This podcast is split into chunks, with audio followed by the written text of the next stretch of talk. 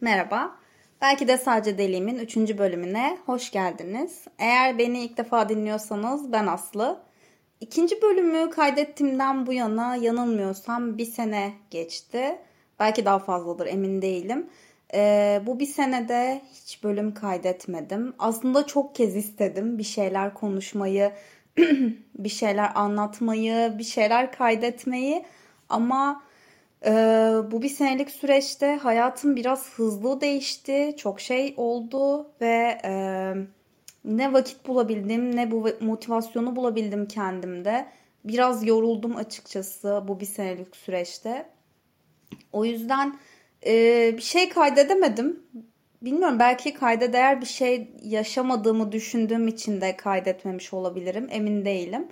Ama en başından beri de söylediğim gibi burası benim için bir günlük. Şu an elimde hiçbir yazılı bir şey yok. Ne konusunda konuşacağım hakkında en ufak bir fikrim de yok. Muhtemelen bölümü kaydedip bitirdikten sonra e, bölümün adına karar vereceğim. Yani bu aslında biraz e, yeni bir başlangıç mı desek bilmiyorum. Merhaba tekrar. Onun gibi bir şey bu bölüm. Şimdi biraz bu bir senede hayatımda neler değişti size biraz onlardan bahsetmek istiyorum. Dediğim gibi beni ilk defa dinliyorsanız ben şu an Fransa'da Paris'te yaşıyorum. Ee, ilk bir sene kadar bir buçuk sene neredeyse bir buçuk sene kadar önce buraya geldim. Ee, öğrenci olarak geldim. İlk geldiğimde o metrekarelik bir evde yaşıyordum. Bu bir sene içerisinde ev değiştirdim. Ee, o zaman biraz daha merkezi bir yerde yaşıyordum. Paris 18 diye bilinen 18. E, bölgede olan bir evde yaşıyordum. Evimin manzarası, e, her yere yakın olması çok güzeldi. Az önce ilk iki bölümü tekrar dinledim ve ilk bölümde şunu söyledim fark ettim. Paris çok küçük bir şehir. Her yere yürüyerek gidebilirsiniz. Asla küçük bir şehir değil. E, yani şöyle merkezi olan yerlerde evet her yere yürüyerek gidebilirsiniz. Yürümeyi seviyorsanız her yere ulaşım çok kolay yürüyerek. Ama biraz daha uzak bir yerde yaşıyorsanız benim şu anda yaşadığım gibi merkezi biraz daha uzaksanız maalesef her yere yürüyerek gidemezsiniz. Orada küçük yanlış bir bilgi vermişim onun için özür dilerim. Ee, dediğim gibi evimi değiştirdim. O zaman daha merkezi bir yerde yaşıyordum ve e, ben eve böyle şey hani ev okul arası gidip geldiğim için o zaman henüz çalışmıyordum. Ve hani böyle çok fazla akşam dışarı çıkma gibi bir alışkanlığım yok ki burada zaten Fransa'da yani Paris'te ve galiba Avrupa'nın genelinde geç saatlerde hayat bitiyor. Sokaklar sessiz. Çok fazla yer açık değil. O yüzden çok fazla öyle akşam dışarı çıkma gibi bir alışkanlığım yoktu. Dolayısıyla yaşadığım yerin ne kadar kötü bir yer olduğu hakkında da en ufak bir fikrim yoktu. Yani sonrasında böyle burada senelerdir yaşayan insanlara ya ben de işte ilk geldiğimde 18. Paris'te yaşıyordum falan deyince böyle ne 18 mi gibi tepkiler aldım. Çünkü gerçekten çok kötü bir bölgeymiş. Ee, çok fazla göçmenin olduğu bir yerde onu biliyorum. Ama hani dediğim gibi çok fazla ben mahallemde e, sadece hani böyle markete gidip gelirken vakit geçirme işte kasaba falan gidiyordum. O, onun dışında çok fazla bir vakit geçirmediğim için çok fazla oranın yapısını bilmiyordum açıkçası. Çok şükür kendim kötü bir şey yaşamadım orada. Yani benim için problem olacak bir şey yoktu. Ee, ama sonrasında iş buldum e, Mart ayında. İş buldum, part time çalışmaya başladım bir restoranda. Ee, sonrasında restoran tabii orada yani Paris merkezi uzak bir yerde. Ee, çalışmaya başlayınca evimi de değiştirmeye karar verdim ve bu taraflarda yani çalıştığım yere yakın ev arayışına girdim ve şu anda 10 metrekareden 30 metrekareye terfi etmiş bir aslı olarak gurur duyuyorum kendimle. Evet şu anki evim 30 metrekare ve Gerçekten çok memnunum. Çok güzel bir evde yaşıyorum. Evim böyle e, stüdyo daire gibi düşünebilirsiniz. Mutfak ve bir oda yani mutfakla şey bir arada diyeyim size. Sadece işte banyo tuvalet kısmı ayrı bir yerde. E, bir kapının arkasında diğer evimdeki gibi böyle her şey bir arada değil aslında. Ve e, kocaman bir balkonum var. Bu konuda çok mutluyum.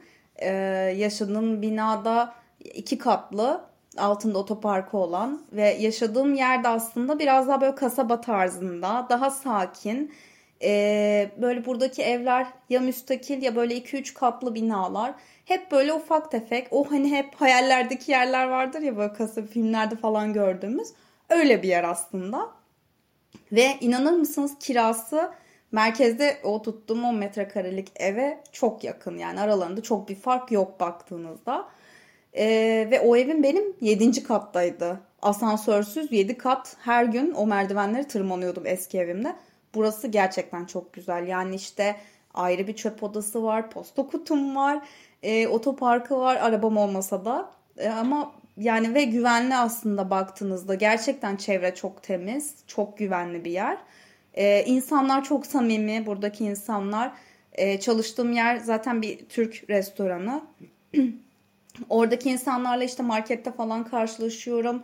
Ee, sokakta artık böyle komşularımı falan artık tanıyorum. Böyle selamlaşıyorum onlarla. Ya böyle bir yer. Ben burayı aslında çok sevdim. Şu an yaşadığım yeri. Gerçekten çok güzel bir yer. Yani merkezden çok çok daha güzel ve temiz bir yer. Ee, dediğim gibi binada yeni bir bina aslında. Çok eski bir bina olduğunu düşünmüyorum yaşadığım binanın. Ve hani ev gerçekten temiz. Ben öteki evimde e, çok eski bir binaydı. Yani eski binalar çok güzel oluyor evet. Ama yani sonradan eve dönüştürüldüğü çok belli olan bir çatı katıydı orası. Dolayısıyla ben o evi ne kadar temizlesem de asla gözüme temiz gelmiyordu. Çünkü çok sıkışıktı her şey. Yani 10 metrekarenin içerisinde yatak, çalışma masası, mutfak her şeyi böyle kompakt bir şekilde sıkıştırmışlar o evde. Ve yerlerde ahşap e, parkeler vardı. Cilalı falan değil bu arada bildiğiniz ahşap sadece tahta.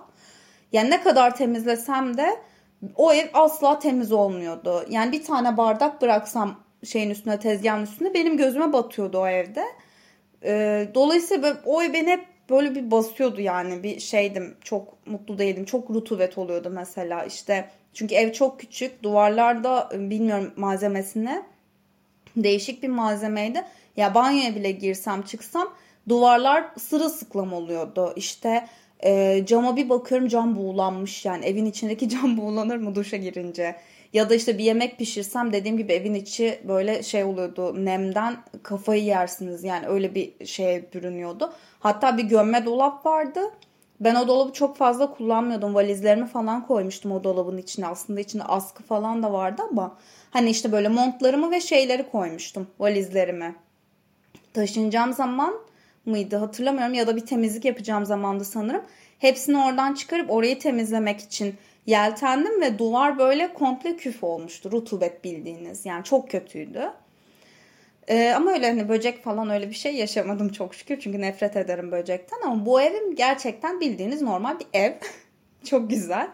Ee, ufacık yine benim için aslında küçük ama böyle e, beni çok değiştirdi aslında. Gerçekten çok değiştim. Ee, şöyle değiştim.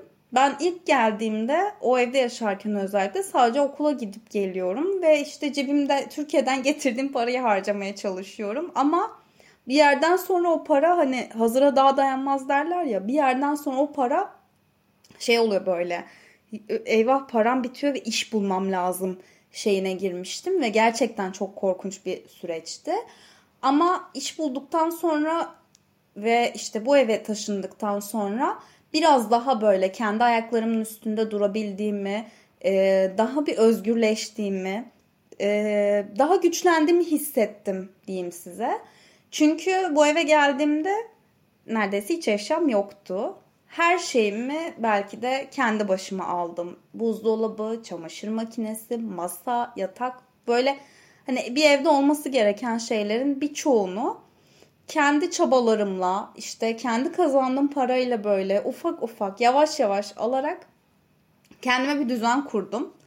Ve bu beni inanılmaz mutlu hissettirdi. Yani buradan ben, benden çok daha genç ben 27 yaşındayım. Benden çok daha genç arkadaşlarıma bir tavsiye vermek istiyorum. Ben üniversitede ailemin yanında okudum. Hiç aile evinden ayrılmadım. Hiç kendi ayaklarım üzerinde durmamıştım. Yani evet aile evindeyken de çalışıyordum, bir para kazanıyordum ama ben ne fatura ödedim şimdiye kadar, ne ev kirası ödedim, ne bir eşya almaya çalıştım. Tabii aileme destek oluyordum bir şekilde. İşte anneme olsun, babam olsun bir bir şekilde destek olmaya çalışıyordum kazandığım paradan ama hani öyle bir işte ev geçindireyim, bir geçim derdine düşeyim ya da işte o parayı idare etme çalışayım gibi bir şeyim hiç olmamıştı. O yüzden size tavsiyem eğer yapabiliyorsanız yani bence herkes hayatında bir kere bir dönem en azından böyle bir kendi ayaklarının üzerinde durabileceği bir yere gitmeli. Yani bu e, ailenizden uzakta yani şehir dışında bir üniversite okumak da olabilir. Tamam o zaman belki harçlıkla geçineceksiniz ama yine elinizde küçük bir miktar para olacak ve o parayla işte kiranızı ödemeniz gerekecek. İşte fatura ödemeniz gerekecek vesaire. Yani o şeyi bir tatmanızı, o ayaklarınızın üzerinde durmanın nasıl bir şey olduğunu bir kere yaşamanızı tavsiye ederim kesinlikle. Çünkü ben buraya geldiğimde dediğim gibi işte benim öteki evimde bütün şeyler, faturalar şeye dahildi, kiraya dahildi ve ben o evi Airbnb'den bulmuştum. Dolayısıyla her şey dahildi onun içine. Ee, ve eşyalıydı, full eşyalıydı. Her şeye vardı. Alabileceğim hiçbir şey yoktu o eve. Yani almak istesem de alacak yerim yoktu. Çünkü küçücük bir evdi dediğim gibi. Ama bu eve taşındığım zaman dediğim gibi işte hani çalışmaya başladım. Belli bir para kazanıyorum ve e, kiramı ödüyorum. E, elektrik faturam mesela benim şu an kiraya dahil değil. Ayrıca elektrik faturası ödüyorum. Evime eşya almaya çalışıyorum. Mesela halı alıyorum falan böyle mutlu hissediyorum kendimi. Böyle bir şey e, daha özgürleştiğimi ve daha güçlü olduğumu hissetmeye başladım. E, bu arada burada bulduğum işten ayrıldım. E, şu an yeni bir işe başladım diyebilirim. Ama benzer şeyler yani yine part time çalışıyorum dediğim gibi. Bu arada hala Fransızca öğrenmeye çalışıyorum. İnanılmaz zor bir dil. Eğer Fransa'ya gelmeyi düşünüyorsanız gerçekten çok zor bir dil. E, yani şöyle söyleyeyim İngilizce bence dünyanın en kolay diliymiş. Ben Fransızca öğrenmeye başladığımda bunu anladım. Çünkü Fransızcanın o kelime yapıları biraz şeye benziyor, Türkçe'ye benziyor işte. Ee, mesela Türkçe'de şey var ya ben geliyorum, sen geliyorsun. İşte biz geliyoruz. O geliyorun sonundaki şey hep değişiyor ya. Fransızca'da da öyle. Biraz zor bir dil ama ben öğrenirken e, sevdiğimi fark ettim. Yani severek öğreniyorum ve bu arada hani bir restoranda çalışıyor olmak inanılmaz geliştirdi benim dilimi. Çünkü sürekli insanlarla iletişim halindeyim. Çalışma arkadaşlarımdan Fransız olanlar var. E, Fransızca konuşuyorlar. Hani ben İngilizce konuşsam da onlar bana Fransızca cevap veriyor mesela. E, onlarla mesela bazen dışarı çıkıyoruz, yemek yiyoruz, işte bir şeyler yapıyoruz. Hep böyle hani Fransız insanlarla, Fransızca konuşan daha doğrusu insanlarla bir araya geldiğim için de e, hep muhatap kaldığım için de daha çok geliştirdiğimi düşünüyorum burada. E, evet bir seneyi geçti Fransa'ya geleli ve ben hani bir sene daha uzattım oturumumu. Oturum aldım daha doğrusu e, bir senelik. Şöyle tekrar öğrenci vizesiyle yani burada bir kere geldiğinizde vizeyle öğrenci vizesi olarak geldiğinizde burada yaşarken tekrar uzatmak isterseniz burada yürütüyorsunuz işlemlerinizi ve oturum kartı alıyorsunuz artık. Ee, ben bir senelik oturum kartı aldım. Şu anda hala yüksek lisans zorluyorum. Umarım olacak yakın zamanda. Yani umutlarım o yönde. Çok istiyorum çünkü.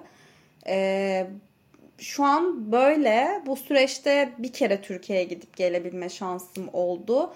Çünkü dediğim gibi e, ilk başta vaktim vardı ama cebimde param azdı. Gidip gelemedim. Sonrasında iş buldum. Param oldu ama vakit bulamadım gelmeye. Derken en sonunda Kasım ayında öyle bir Türkiye'ye bir 10 günlük bir ziyarette bulundum ve gerçekten özlem çok başka bir şeymiş. Uzakta olmak gerçekten çok farklıymış. Ve şunu da anladım ben Türkiye'ye geldiğimde özellikle de işte eve ilk girdiğimde böyle odama gittiğimde orada bir misafir gibi olduğumu hissettim. Çünkü alıştım buraya. Kendi düzenime alıştım. Ee, ve burayı aradım yani. O, diyorum ya odama girdiğim zaman ya ben burada misafir miyim? Ben yani böyle şey yabancı hissettim kendimi açıkçası. Ee, biraz tuhaf oldu benim için. Ee, bunun dışında başka hayatımda da çok fazla değişen bir şey yok. Diyorum ya ben değiştim aslında. Biraz şeyde fark etmişsinizdir belki konuşmamda e, bir akıcılık var sanırım ya ben öyle düşünüyorum. Çünkü eski e, şeylere kayıtlar az önce dinledim. Biraz böyle takılarak konuşuyormuşum. Öksürüyorum falan böyle sık sık. Bence o evdeki rutubetten kaynaklıydı o öksürük. Şu an öyle bir şeyim yok. Hani şu anda öksürüyorsam da o şeyden e, boğazım kuruyordur. ondan. Ee, onun dışında yani Türkiye'ye dönmeyi düşünüyor muyum mu tekrar gündeme getirirsem. Yani açık konuşmak gerekirse eğer babam bu podcast'te dinlerse çok mutsuz olacak ama ben yani düşünmüyorum aslında. Çünkü geçen sene ilk kayıt e, yapmaya başladığımda söylediğim gibi işte ekonomi çok kötü durumda şu anda Türkiye'de falan diye böyle anlatırken yani baktım bir sene sonrasına şu anki günü bugüne e, çok daha kötü durumdayız. E, beni biraz üzüyor açıkçası çünkü benim bütün ailem orada annem, babam, kardeşlerim yani bütün aklınıza gelebilecek neredeyse bütün akrabalarım, bütün ailem, bütün sevdiklerim aslında Türkiye'de. Yani e, beni oraya bağlayan çok şey var. Ama iş ekonomik ve farklı yönlere bakıldığında e, maalesef ki yani tercih sebebim burası oluyor. Çünkü diyorum ya ben burada part time çalışıyorum ve part time aldığım parayla e, ben aileme destek de olmaya çalışıyorum. Ben evime eşya da alıyorum, kiramı da ödüyorum. Ben haftada bir bir gün iznim vardı. Haftada bir arkadaşlarımla dışarıya çıkıp bir şeyler de yiyip içebiliyorum.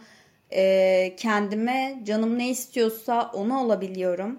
E, yani bu rahatlığın içerisinde nasıl düşünebilirim ki dönmeyi? Evet ben bir mühendisim.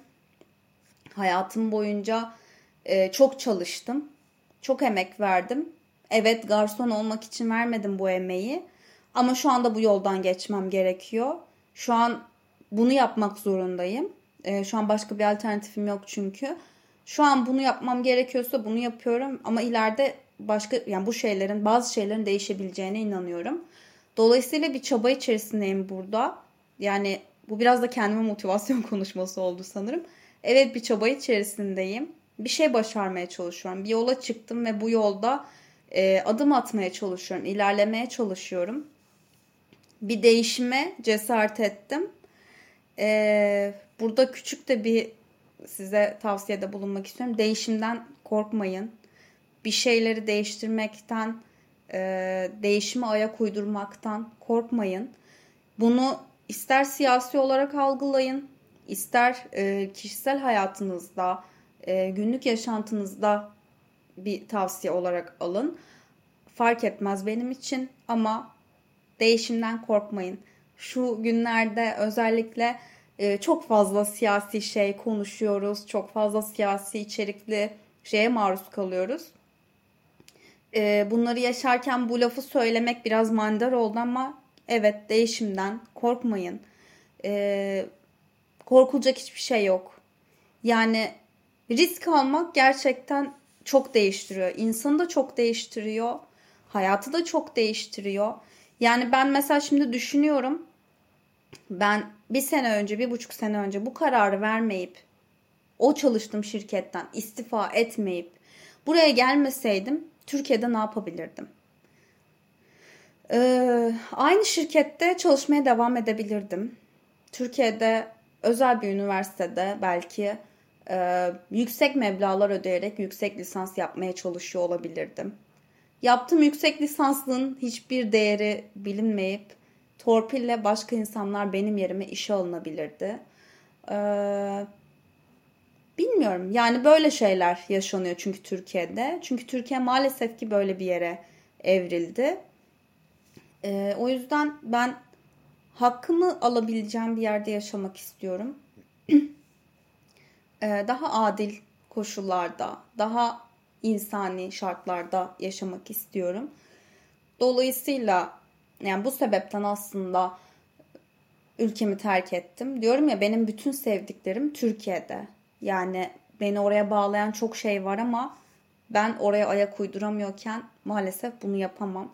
Mesela ben Türkiye'yi ziyaret ettiğimde eski şirketimi de gittim gördüm. Hani oradaki arkadaşlarımı, eski müdürümü, yöneticilerimi falan gidip ziyaret ettim. Ve bana arkadaşlarım şunu söyledi. Eski çalışma arkadaşlarım. Aslı her şeyi bıraktığından çok daha kötü durumda. Gerek şirket içinde gerek ülkede. Her şey çok daha kötü durumda. Sen uzaktan belli bir kısmını görüyorsun belki. Ama her şey burada gerçekten çok kötü durumda. Yani ben Türkiye'ye gittiğimde 10 gün kaldım ve 10 günlük süreçte e, yanılmıyorsam 4 gün falan markete gitmedim. Kaçtım yani gitmek istemedim. Beni dedim markete göndermeyin. Ben çünkü internette görüyor, görüyordum hani Twitter'da falan hani böyle bazı şeyleri paylaşımları görüyordum. Gerçek olduğuna inanmak istemiyordum. Ee, ve ben o şoku yaşamak istemedim. Dört gün falan gitmedim şeye markete. En son dedim ki tamam artık hani gitti gideceğim. Çünkü döneceğim şeye Fransa'ya ve hani bir gideyim göreyim bir. Gittim. Ya fiyatlara bakıyorum. Korkunç. Gerçekten korkunç. Yani benim mesela en çok aklımda kalan o olmuştu. Yani orada şekerin fiyatına bakıyorum. Diyorum ki ya bunu euroya çevirdiğimde bile Fransa'da daha ucuz ya. Gerçekten daha ucuz alıyorum ben bunu. Hani euro olarak çevir, euroya çeviriyorum. Atıyorum şu an hatırlamıyorum fiyatını. Misal 20 liraysa o zaman euro 20 liraydı sanırım. 1 euro şu an bu şeker. Ama ben 1 eurodan daha ucuza alıyorum şekeri ya Fransa'da. Yani bu farkı görünce arada dedim ki yani ne oldu buraya? Ne yaşıyorsunuz siz? Ne oluyor? Ve yani gidip döndükten sonra Fransa'ya tekrar döndükten sonra biraz daha aslında kararlı oldum. Geri dönmeme konusunda. Diyorum ya umarım babam ve annem bu podcast'i dinlemez. Çünkü onlar bana her telefon açışımda yüksek lisans yap yapamıyorsan boş ver dön hadi. İşte gel artık. Ee, kalma oralarda gibi şeyler söylüyorlar. Evet bunu özlemden söylüyorlar belki. Belki değil o yüzden söylüyorlar. Yani beni çok özledikleri için. Ben de çok özlüyorum herkesi ama hmm, burada bir geleceğim olabileceğine inanıyorum. Yani bu Fransa olur, başka bir ülke olur ama Avrupa'da ya da işte yurt dışında daha doğrusu e, bir geleceğim olabileceğine inanıyorum. Bu yüzden aslında burada kalmaya kararlıyım. Ee, hayatımda bir değişiklik yaptım. Ben hiç ailemden ayrı kalmamıştım. Ayrıldım tamamen yani sadece şehir, ev değil, ülke değiştirdim. Öyle bir ayrılık yaşadım. Öyle bir değişim yaşadım. Bilmiyorum. Belki deli cesareti dersiniz. Belki başka bir şey. Ee, ama olması gerekiyordu. Hayatımda böyle bir dönüm noktası yaşamam gerekiyordu. Yani bu da benim hayatım dönüm noktalarından biriydi. Yani daha önce farklı dönüm noktaları tabii ki yaşadım. Yaşamadım değil. Ee, ama yani belki de en önemlisi buydu. Bu şekilde yani anlatacaklarım. Dediğim gibi bu bölümün galiba adını şey koyacağım. Değişimden korkmayın ya da işte değişiklik iyidir gibi bir şey koymayı planlıyorum. Baya uzun konuştum ya. Ben önceki bölümlerim bu kadar uzun değildi. 23 dakika sürmüş. Başka dönüm noktalarımı da anlatmak isterdim size ama baya uzun bir bölüm olduğunu düşünüyorum. Anlatacaklarım bu kadar. Dediğim gibi yani bu bir senede hayatım biraz değişti. İşte en önemli şey evimin değişmiş olması. 10 metrekareden 30 metrekareye bir terfi yaşadım. Ve gerçekten çok mutluyum. Sesimden anlaşılıyordur belki ama gerçekten şu an bulunduğum durumdan keyif alıyorum. Hayattan keyif alıyorum. Yaşadığım şeylerden mutluluk duyuyorum. Severek bir şeyler yapıyorum. Yani işimi çok sevdiğimi söylemesek de şu anda. Çünkü garsonluk yapıyorum arkadaşlar. Bu arada saygısızlık olarak düşünmeyin. Garsonları aşağılamak gibi bir şeyim yok. Sakın yanlış anlaşılmasın. Çok zor bir meslek olduğunu düşünüyorum. Saygı duyuyorum. Büyük saygı duyuyorum. Ee, ben yaklaşık bir senedir evet bir sene oldu. Bir senedir yapıyorum bunu ve gerçekten çok zor. Lütfen eğer e, yapmıyorsanız böyle gittiğiniz restoranlarda garsonlara biraz daha kibar davranırsanız en azından benim için daha kibar böyle daha sakin davranırsanız çok sevinirim. Çünkü e, burada ben çalışırken çok kibar insanlar da geliyor. Ama çok kaba böyle e, terbiyesiz diyebileceğim. Hani insanı böyle rahatsız eden, sizi böyle aşağılayan, yukarıdan bakan tipler de geliyor. Bazen onlara şey demek istiyorum. Ya böyle tutup kollarından silkeleyip kendine gel. Sen yani burada doğup büyüdüğün için şanslısın sadece. Ama yani benden bir farkın yok. Ben de insanım. Neden böyle davranıyorsun diye böyle bir e, silkelemek istiyorum o insanları. Ama yani oluyor. Karakter meselesi bence. Dediğim gibi ben burada çalışmaya başladıktan sonra ben hep böyle şeydim. Bir yere yemeğe gittiğim zaman falan hep böyle kibar davranırdım zaten. Hani orada çalışan insanlara, bana hizmet eden insanlara hep kibar davranırdım zaten. İşte böyle tabakları toplamaya geldiklerinde böyle iç içe koyardım falan. Hep kibardım. Ama burada çalışmaya başladıktan sonra daha kibarlaştım. Daha da kibar oldum. Ee, mesela bahşiş bırakmak çok önemli bir şeymiş. Bunu anladım. Ee, dediğim gibi yani anlatacaklarım aslında bu kadar. Hayattan aldığım bu bir senede yaşadığım değişimler e, belki bu kadarla sınırlı değildir. Belki çok daha fazla şey vardır. Özellikle karakterimde bende değişen çok şey var ama zaten çok uzun bir bölüm oldu. Sonraki bölümlerde bunu uzun uzun anlatırım. Olaylar üzerinden anlatırım belki. Çünkü şu an spontane gelişti yani aldım elime telefonu böyle eski şeylere bakarken o kayıtları dinledim ki dinledim ve dedim ki ya ben niye bir şey kaydetmiyorum deyip kayıt tuşuna bastım. Ne konuşacağım hakkında hiçbir fikrim yoktu. Bayağı doluymuşum da. Ee, anlattım uzun uzun. Böyle yani dediğim gibi e, bundan sonraki şeylerde böyle olaylar üzerinden anlatırım. İşte size şimdiye kadar yaşadıklarından, olaylar üzerinden bahsederim bir şeylerden. Bu kadar. Bir sonraki bölümde görüşmek üzere. Umarım bir sonraki bölüm bir sene sonra olmaz. Ama zannetmiyorum olacağını. Ee, yani bir sene sürmez aradaki şey zaman. Ee, yani öyle umuyorum. Bu da kendime bir söz olsun. En yakın zamanda paylaşacağım yeni bir bölüm daha. Ya bu arada bölüm paylaşabilmek için de belli bir ücret ödenmesi gerekiyormuş. o yüzden ben ilk yaptığımda o ilk iki bölümde e, ilk 3 ay mı ilk 6 ay mı öyle bir şey ücretsizdi. O sayede yükleyebilmiştim. Sonrasında param olmadığı için yeni bölüm şey yapamamıştım, yükleyememiştim. Öyle bir hevesim kırılmıştı. Ama sonra da kaldı öyle. Yani param varken de öyle kaldı yani. Bir şey düşündüm ne konuşsam falan diye böyle bir türlü motivasyonum olmadı falan. Yani o sebepler de var aslında arada. Ama söz veriyorum bir sene sürmeyecek bir sonraki bölüme deyip böyle şey yapıyormuşum. Bir sene bir ay kala yayınlıyormuşum. Öyle bir şey yapmam diye düşünüyorum ya. Yok. Artık kararlıyım. Daha böyle üretken, daha verimli bir insan olmaya karar verdim. Ee, bu kadar. Bir sonraki bölümde görüşmek üzere. Hoşçakalın. Hepinizi öpüyorum.